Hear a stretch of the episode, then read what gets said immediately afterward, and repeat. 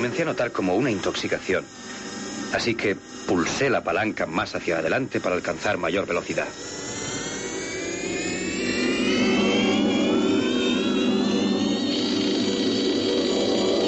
Mientras iba transcurriendo el tiempo, yo ganaba experiencia en el manejo de la máquina. Averigüé que podía parar por un día, por una hora o incluso por un segundo para observar. Y después seguir adelante uno o dos años más.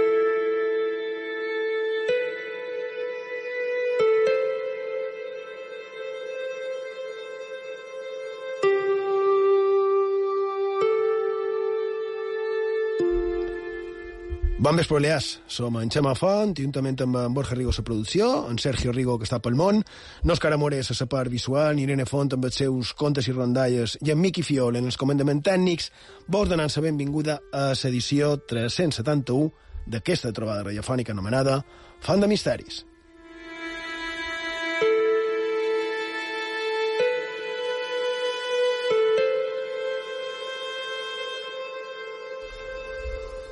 Bon vespre, Borja Rigo. Bon vespre. Sergio Rigo, bon vespre. Sí, va. Bon vespre. Com va? Com estàu? Jo bé, i tu? Com te trobes? Bé, bé, pel món. Encara estic un poc constipat, però, però bé. Val, tot bé, no? Sí, tot bé. Vos he, vos fet els deures. Encara que no estic presencialment amb, amb vosaltres a l'estudi, he fet els deures i he preparat el sumari per avui i també el contingut del programa. Val, i de...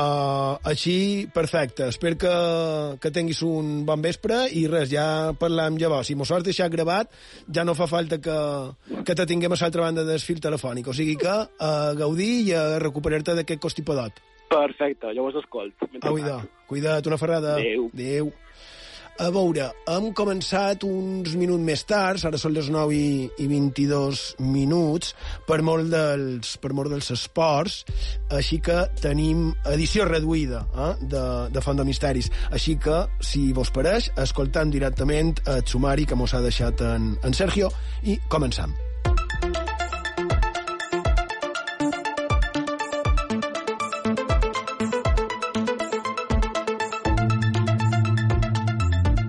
Avui, aquest programa 371 i reduït de Font de Misteris el començarem xerrant de suposats viatgers en el temps que han comparegut pel món d'internet.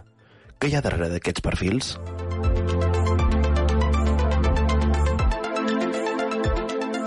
A continuació seguirem comentant diferents casos on la mà ni fa forat ni tapa. Coneixerem diferents successos o les conseqüències han estat el càstig per no creure. I una setmana més escoltarem a Irene Font amb els seus contes i rondalles. Amb que mos ha preparat per aquesta setmana. I com cada setmana mos podeu enviar tot allò que vulgueu a les nostres mitjans de contacte. Ho podeu fer per WhatsApp i Telegram. El número de telèfon és 659 769 52. Ho repetim, 659 769 52.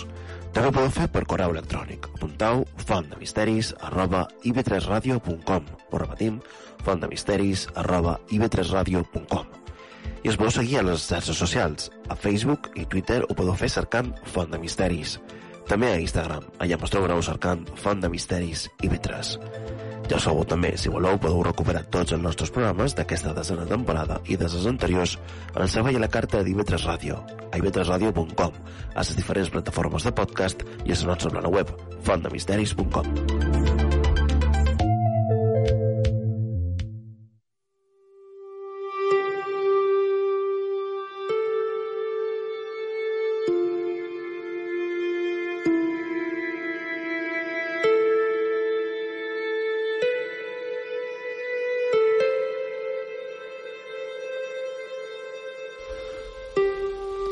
Vaya quin professional de les zones, en Sergio Rigo, vaya quina veu que tenia en el, en el tall que mos ha gravat. Jo perquè sé que ho va, va fer la gravació amb un equip en condicions. No, no, clar, evidentment. Amb un, amb un, un home studio en condicions.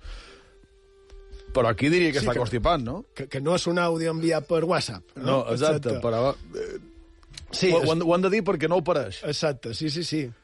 Bé, és, és el que té tenir el, nas pres, no? Bé, i de, com ha dit en, en Sergio en el, en el sumari, anem a escoltar això de, de TikTok i, i els viatgers en els temps, que també mos, mos ha preparat, eh? malgrat el seu constipadot. Ho escoltam, Miqui, si vols.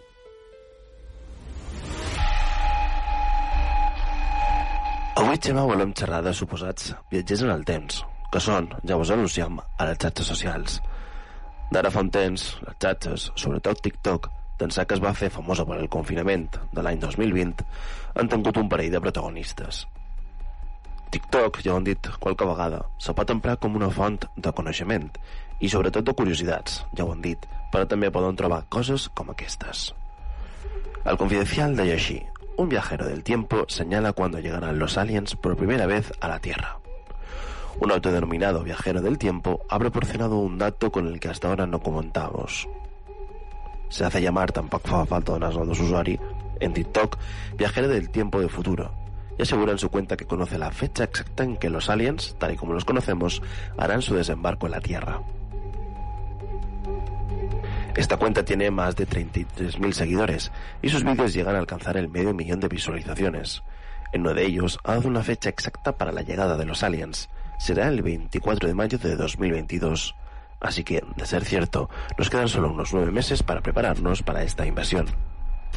El vídeo no solo da esa fecha clave, sino que proporciona otros datos de interés. Por ejemplo, señala que en mi época hay muchos extraterrestres diferentes y en realidad ellos ya viven actualmente en la Tierra, como ciudadanos en el futuro. Sin embargo, no estarían teniéndolo fácil, ya que según su versión, están siendo atacados. Fet, Xema i Borja, un dels clàssics quan parlant d'aquest tema és en John Titor. Supos que ara fareu qualque exclamació, però estic segur que aquest nom vos sona. Aquest nom fou empleat entre l'any 2000 i 2001 per un usuari i va informar els seus seguidors de fets i successos de la seva suposada època natal, l'any 2036. Aquestes prediccions van ser des de guerres fins a trobades científiques. Va dir que hi hauria una guerra civil als Estats Units, una tercera guerra mundial, una plaga l'any 2030 i moltes altres. Què us sembla? Ara vos deix, però segur que ara tindreu qualque cosa que comentar. Mos veiem i mos escoltam la setmana que ve.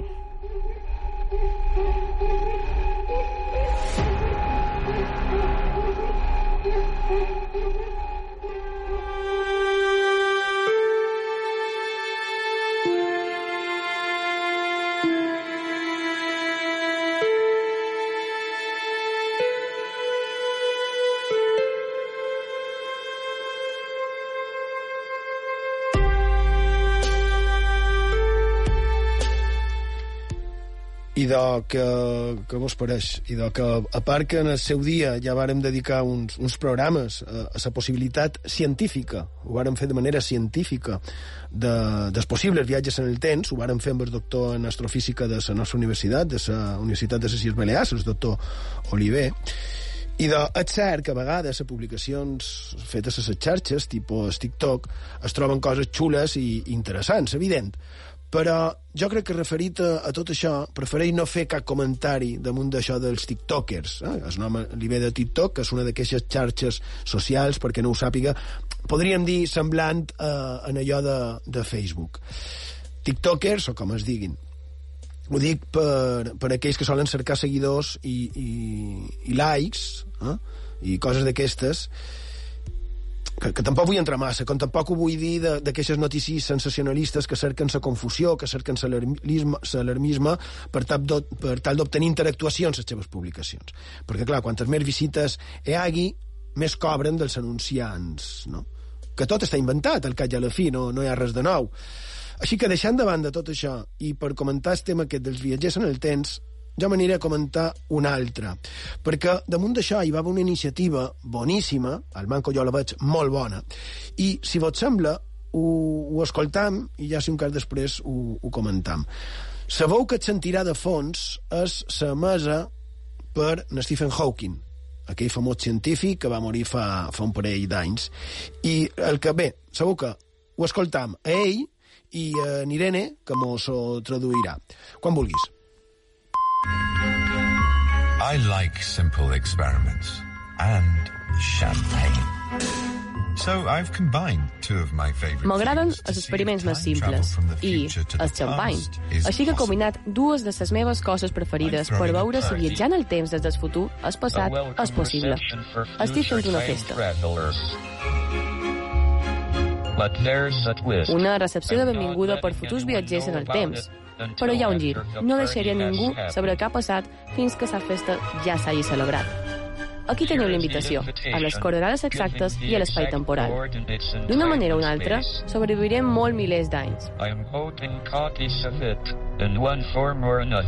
Will survive for many thousands of years. Maybe, one day, Pots un dia, algú visquent en el futur, trobaràs informació i utilitzaràs la màquina del temps mundial per tornar a la meva festa, demostrant que un dia serà possible viatjar en el temps. Els meus convidats viatgers en el temps podrien arribar en qualsevol moment. My time traveler guests could be arriving any moment 5, now. 4, 3, 2, 4, 1... Quina llàstima. Tenia l'esperança que qualque senyor de l'univers anés a entrar per la porta. 1.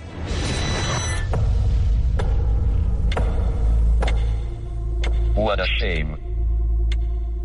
I was hoping a future Miss Universe was going to step through the door.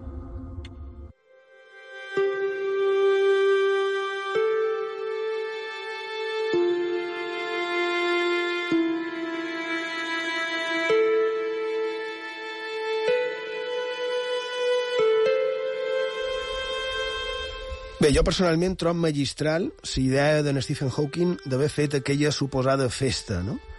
La va anunciar eh, a la seva sèrie de televisió, dintre de l'univers en Stephen Hawking, es deia la sèrie, però ho va anunciar a posteriori. Eh? És ben senzill. El resum seria jo ahir vaig fer una festa, però ho dic avui. De manera que si qualcú d'avui cap al futur ho veu, se n'assabenta, ho sap, i pot anar, perquè ja ho sap, no? Però, clar, la pena és que ningú no hi va anar en aquella festa. I ell, en Stephen Hawking, en tota la retranca, que diríem Monegal, allà en, en globus, amb un lletrerot ben gros que posava benvingut viatgers en el temps, en xampany fresquet... Però ell es va quedar tot trist, no?, veient que ningú no va travessar la porta d'allà on era ell, que era Cambridge, a la seva universitat, perquè, clar, ningú es va presentar. Però, no ho sé, si qualque viatger en el temps vol modificar el passat, el dia de l'esdeveniment, aquest va ser el dia 28 de juny de 2009 a les 12 UTC, la coneguda com ara Zulu, i també va donar les coordenades exactes de com arribaria i també va especificar eh, que no feia falta confirmar assistència, que tothom estava convidat en aquella festa de l'any 2009. Així que ja ho sabeu, viatgers en el temps, xampany i canapés a la festa d'en Hawking. I penseu que per poder anar i de viatgers en el temps teniu precisament tot el temps de l'univers.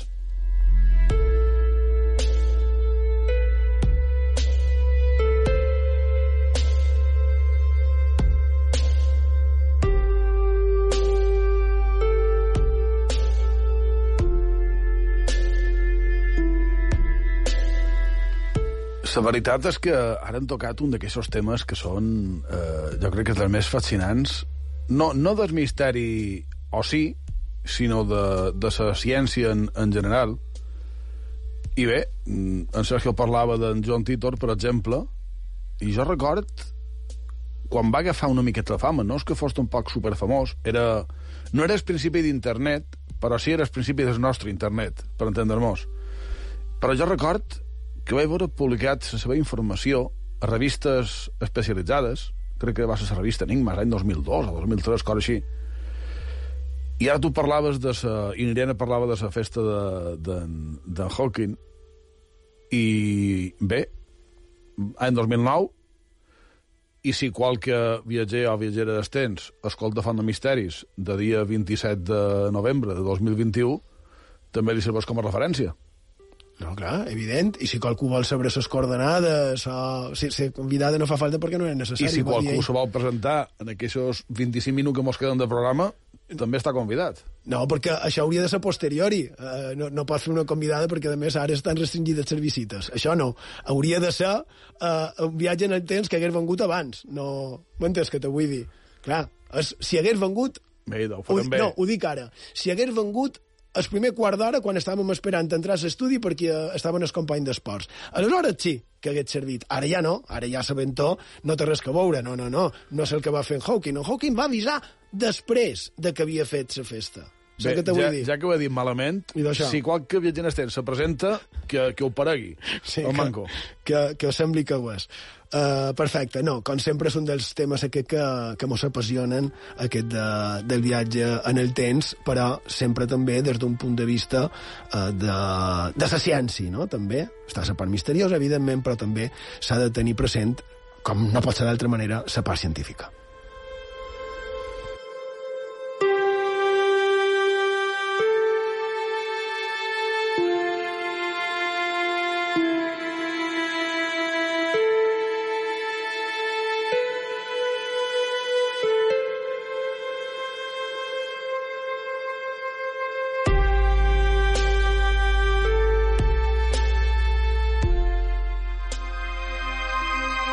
La història es torna llegenda, a on el més quotidià es torna màgic.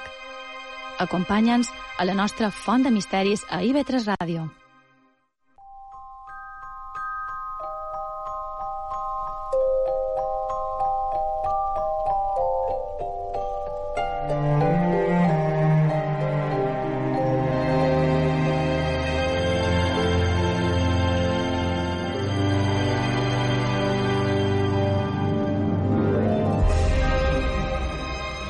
Amb aquesta sintonia anem en la secció Contes i Rondalles, on Irene Font cada setmana mos du qualque llegenda o qualque historieta que li hagi cridat l'atenció.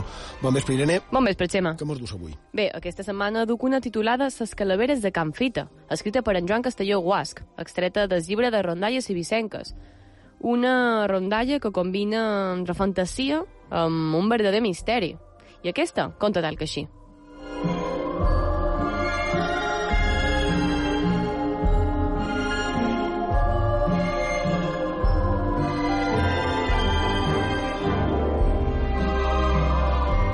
Això era una dona que tenia dos filles molt atractives i també molt fantasioses.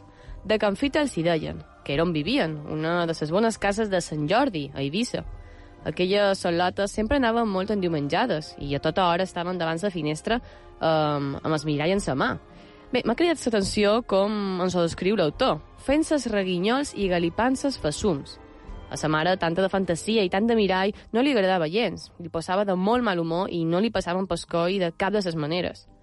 Allò de veure aquelles dos filles seves, matí, tarda i nit, amb el mirall penjant en el batiport de sa finestra i pentinada per un vent, pentinada per l'altre, la treien de sol, és a dir, li feien perdre sa poca serenitat que tenia.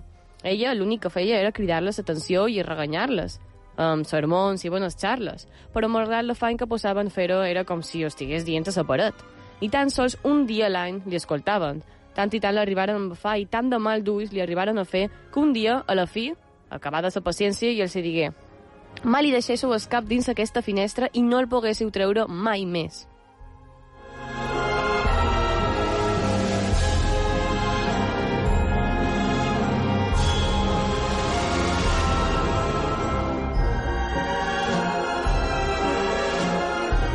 Les salotes s'esclafiren a riure. No li varen fer gaire cas, ja que aquella mateixa tarda tornaren a la finestra a fer el que sempre feien, pentinar-se i mirar-se el mirall.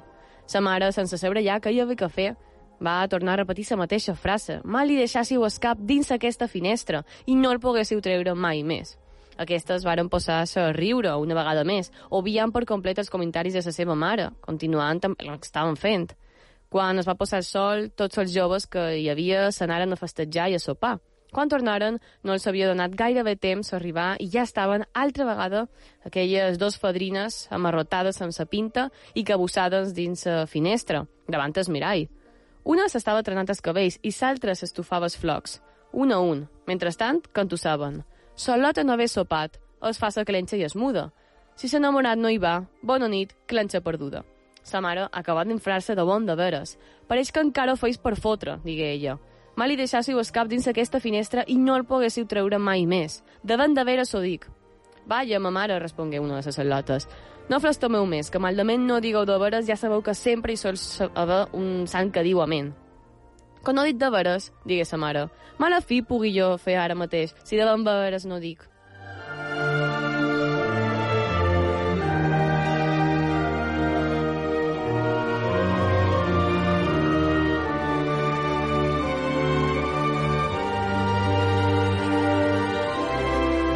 Encara no havien acabat de sortir de la seva boca aquestes paraules quan es va sentir un remoreig tan gros que mare i filles quedaren esteses en terra, mortes i fredes.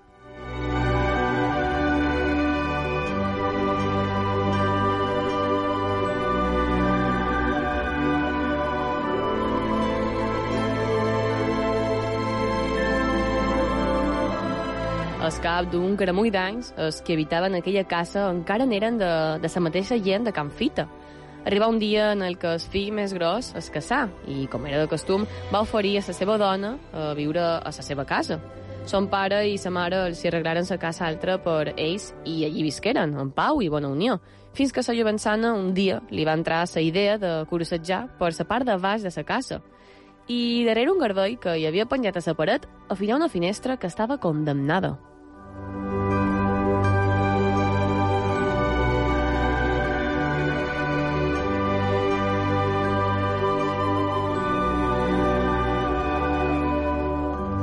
Senyal? Està condemnada aquesta finestra? Preguntant el sogre.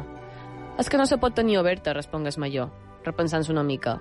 Mm, Val més que estigui, que estigui tapada.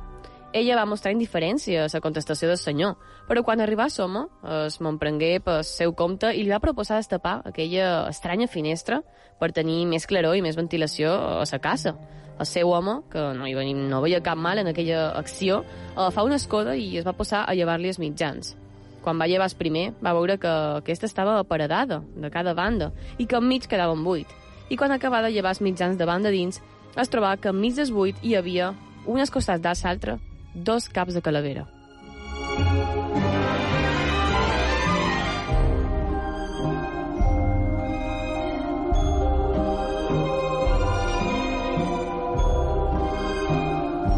De l'esglar hi fugiren més de pressa que aviat i anaren a contar-ho als seus pares. Ja vaig dir, digué aquell, que valia més que la finestra estigués tapada. Ara, si voleu escoltar un bon consell, crec que lo millor seria tornar a tapar i no parlar mai més.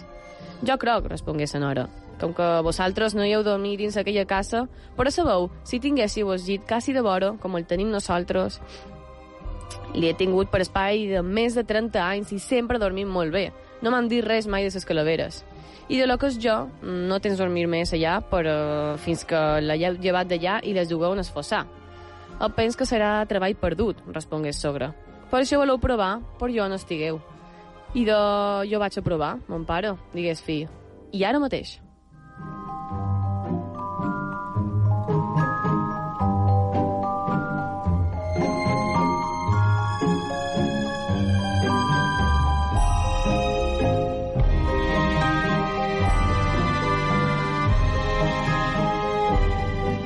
Es va fer acompanyar d'un germà que tenia. Posaren les dues calaveres dins un sac i les portaren en esfossar, deixant-les acostades a una creu. Tornaren a casa seva i estaven contant a sa dona, a son pare i a sa mare, lo, lo bo de fer que havia estat el fet de llevar-se damunt aquelles dues calaveres. Quan son pare es va fer callar, havia sentit un fort de sa banda dins l'altra casa. Es quedaren mirant-se uns als altres, amb els ulls ben oberts i sense ben bé què fer. El pare va acompanyar els fills a aquella misteriosa finestra, ensenyant-los el bull d'aquesta. I, efectivament, allà tornaren a estar les calaveres, les mateixes calaveres, aquelles que havien duit a la fossar.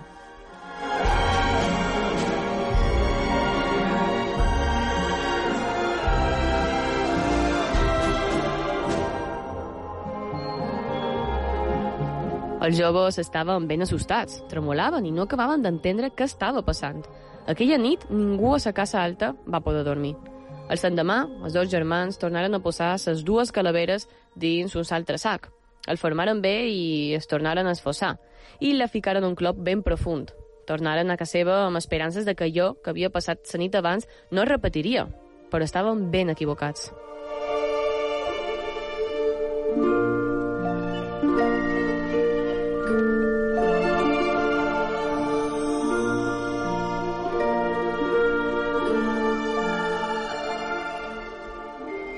Tornaren a sentir esforç so, so que confirmaria que els dos ossos tornaven a estar allà, on sempre havien estat abans de ser descoberts. El sendemà, sense adonar-se per vençuts, tornaren a ficar les calaveres dins un altre sac i, ben format, el tiraren a un avenc molt profund. Encara no hi havien arribat quan ja sentiren el cataclac. Les calaveres tornaven a estar allà, una vegada més.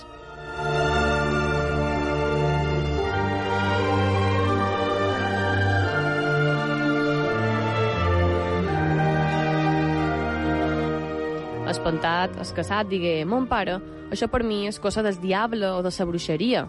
Jo ja no me les enduc altra vegada en aquestes calaveres. Treball perdut. I no les podríem cremar? Preguntà sa nora. Sí, respongué sogra. Les podeu cremar, les podeu capolar i fer les pols, però tanmateix serà per de més. Tornaran a compareixer. I com ho saps? preguntà el fill. Que com ho sé? Ara us ho diré. Escoltau.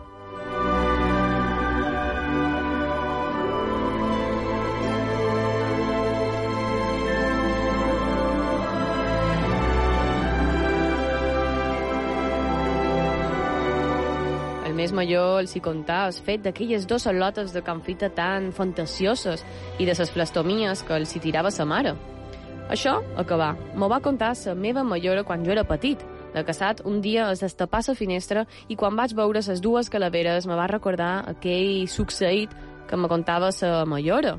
I pensant que jo eren 8 i 9, vaig fer el, el mateix que heu fet vosaltres. Me les vaig endur 4 o 5 vegades, fins que també vaig dir treball perdut i vaig tornar a tapar-les dins els buits de la finestra. Aquí han estat de llavors a censar i mai han fet res de mal a ningú. Ara vosaltres feis el que vulgueu. El fill casat s'aixecà de la cadira i sense dir res agafà les peles i la pastera, va fer una mica de mescla i se n'anà cap a la finestra. Aquella mateixa nit la finestra tornà a quedar condemnada. De fet, diuen que encara ara hi segueix estant exactament com estava fa anys. La verdadera pregunta és, seguiran allà les calaveres? Mai ho sabrem. O sí, qui sap.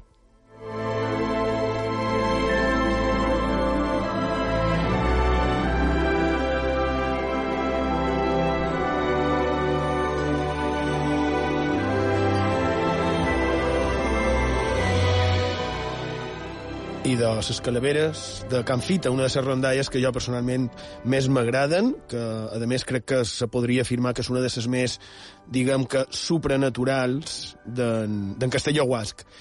Ben curiosa i també ben interessant. Gràcies, Irene. Gràcies a tu, Xema, i fins la setmana que ve.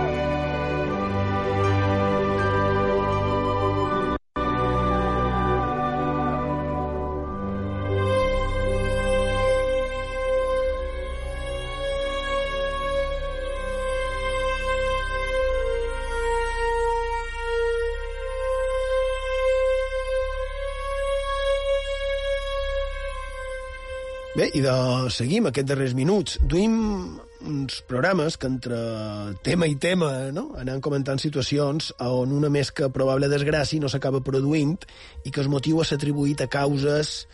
Bé, cadascú aquí ho pot dir com vulgui, no? A causes miraculoses, causes paranormals, extraordinàries o simplement de l'atzar.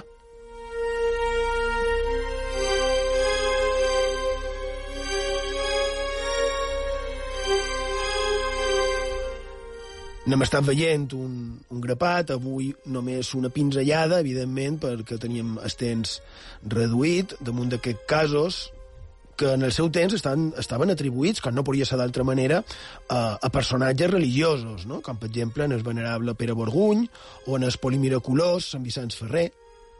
Polimiraculós, eh? m'ho acabo d'inventar. Però um, ho especific perquè algunes de les causes, de les maneres en què s'han salvat de la tragèdia a la mà, a dia d'avui serien, per segons qui atribuïdes, podrien ser atribuïdes a altres causes, com per exemple el tema OVNI. Perquè, com vaig dir, situacions semblants a les que van comptar en el programa anterior, que ho teniu, com sempre, en el sistema de la carta, i d'aquestes situacions són ben semblants en el que es coneixen actualment com a això, com a casos OVNI.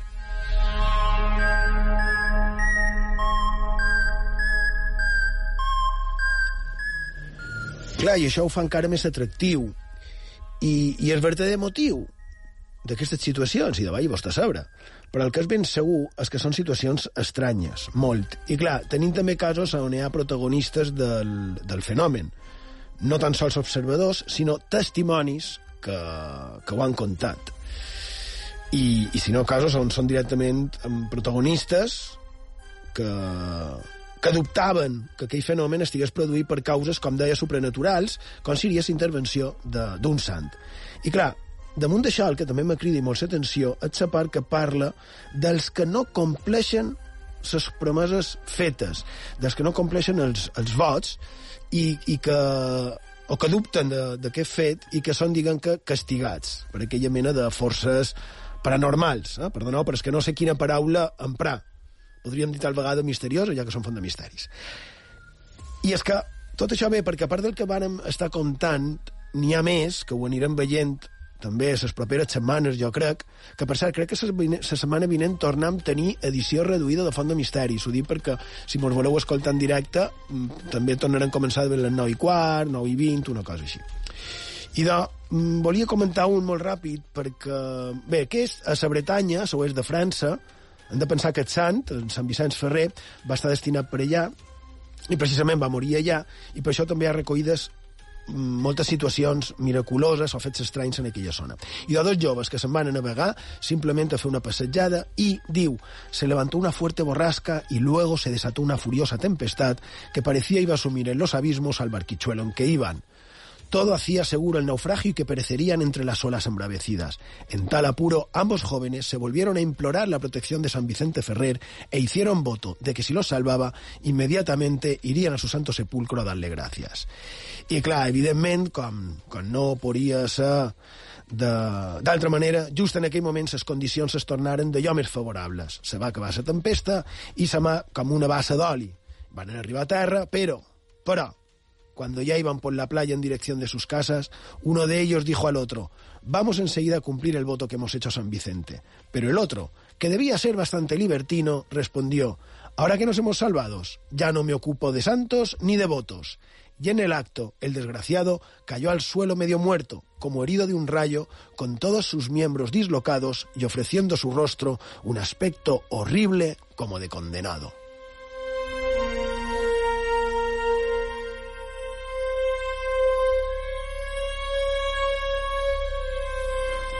Jo crec que ho trob boníssim i que, com a continuació del que hem de parlar la propera setmana, si mos, mos dona temps, jo crec que és fantàstic, no? Aquesta breu pinzellada eh, és, una, és una petita, gran, breu història i realment li fa justícia en el personatge de Sant Vicent Ferrer, perquè hi ha un bon grapat de casos en els quals, bé, profecies sobre les illes i de més coses que, que no són massa simpàtiques ni divertides i, i tanta raó que tens, en tens més recollides, però ja dic, serà la propera setmana, aquí, a Font de Misteris, a IB3 Ràdio.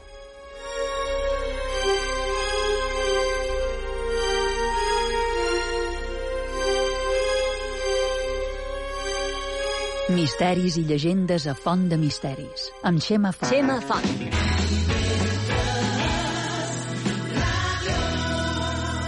Font de Misteris, Demà viurem un intens capvespre de futbol a IB3 Ràdio amb dos partits que comencen a les 4.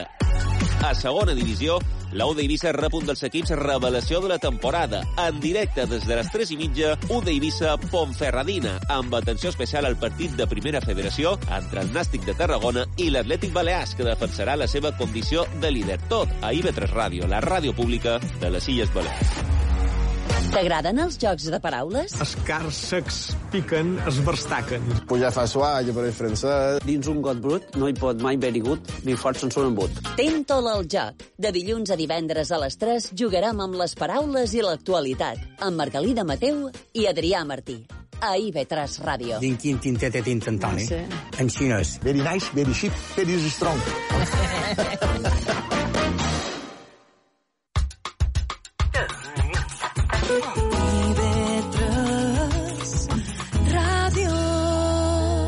memòria.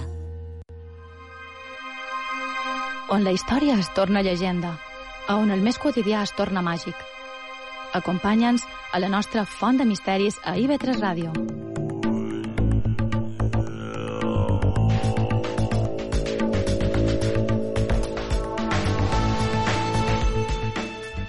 I hem arribat a la fi del programa d'avui. Esperem que hagueu passat una estona agradable i que hagueu pogut treure qualque cosa a profit d'aquesta font de misteris. I a un d'aquests acomiadaments utòpics no, de, de la darrera temporada vaig comentar que aquí és ningú per decidir si està bé o malament el que, el que un cregui en una o una altra creença ja sigui d'una de, de les religions més majoritàries o d'una altra que sigui més, diguem, eh, estranya o simplement minoritària. Vaig dir que el manco per jo l'únic que importa és que sigui en respecte cap als altres, no? És lògic. I ho vaig dir citant en Maradona, ara que abans d'ahir va fer un any de la seva mort, i deixant també ara la resta de polèmiques que l'enredolten, que malauradament són moltes i molt desagradables, també ho dic. Però en el que volia anar, Maradona i l'església maradoniana. Sí, així, tal i com sona. I no estic fent befa, eh? que quedi clar, perquè, a més, després vaig interessar-me damunt d'aquesta religió Vull dir que vaig mirar fins quin punt era o podria ser una cosa seriosa. I d'una cosa, un se'n va a una altra, i el que vaig veure damunt dels darrers dies de Maradona me va eclipsar una mica el tema aquest de l'església de, de maradoniana. Resultaria que Maradona, no sé si va ser un déu, però sí sembla que el que va ser va ser una víctima. Una víctima de sa causa econòmica, però no de la seva. Hi ha qui diu que s'haurien aprofitat d'ell els seus darrers dies, que l'haurien tingut, segons es va denunciar, en unes condicions deplorables per tal d'aprofitar-se de la seva fama, de seu d'obvés i de tot el que representava. Suposadament, per tal de que ningú més s'hi fiqués i els fastidiessin el negoci, li haurien tingut apartat de la realitat, fins que ja dic que, suposadament sempre, per manca d'assistència sanitària, hauria mort. I és que fins i tot es diu que si li haguessin atès com tocava, tal vegada no s'hauria mort tan jove i el que seria pitjor, encara que aquesta informació fos certa, els que haurien estat, els teòricament, els que haurien fet això haurien estat els teòricament els seus amics. Ja dic que deixant de banda en el futbolista i tota la polèmica que l'enrevolta, si això fos cert, de veritat hi ha gent capaç de per una mica més deixar morir en els seus? De veritat hi ha gent en tant manca d'empatia que la seva única pretensió és seguir acumulant sense mesurar el mal que està fent? Quantes vegades, no?, per treure un benefici propi, que no fa falta tampoc arribar a aquest nivell de deixar morir a ningú, clar, però quantes vegades per treure un benefici propi, sovint petit, insignificant, no hem fet mal a un altre que res tenia a veure amb aquesta pel·lícula? En el final, creure'ns que estem per damunt del bé i del mal, mira, ser una mica jugar a déus, i en el final jo crec que mos passarà factura. Aquells que suposadament per omissió i egoisme potser deixassin morir en Diego Armando Maradona, sembla que ho pagaran, no? I els altres, i dels altres jo crec que millor jugar net, millor ser el que es diu legal, no? I no prendre el que no és teu per tal d'evitar que sa vida, abans o després, t'ho faci pagar, perquè t'ho farà pagar. Ah, i també, ja per concloure, ara s'ha sabut que en, en Maradona l'haurien enterrat sense escó, en teoria per evitar principalment, ni més ni manco, que li profanassin sa tomba. Bé, Avui, per acomiadar-nos, he volgut triar una cançó que crec que és ben adient, d'un altre cas, per allò semblant, dedicat a Norma Jean, la Marilyn Monroe, que, com bé diu la cançó, fins i tot quan va morir, la premsa seguia aquell assetjament absurd fent referència a que quan la varen trobar estava nua. Ja me direu. D'en Sinel Tot John, Candle in the Wind, espeu-me en el vent. Allí, Pau, bona nit. Gràcies per la vostra companyia i fins la setmana que ve.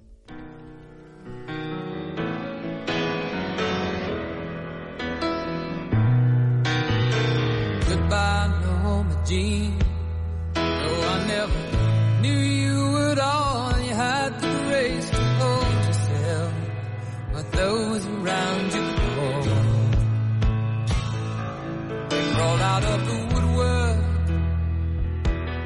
and they whispered into your brain. They set you on the treadmill, and they made you change your name.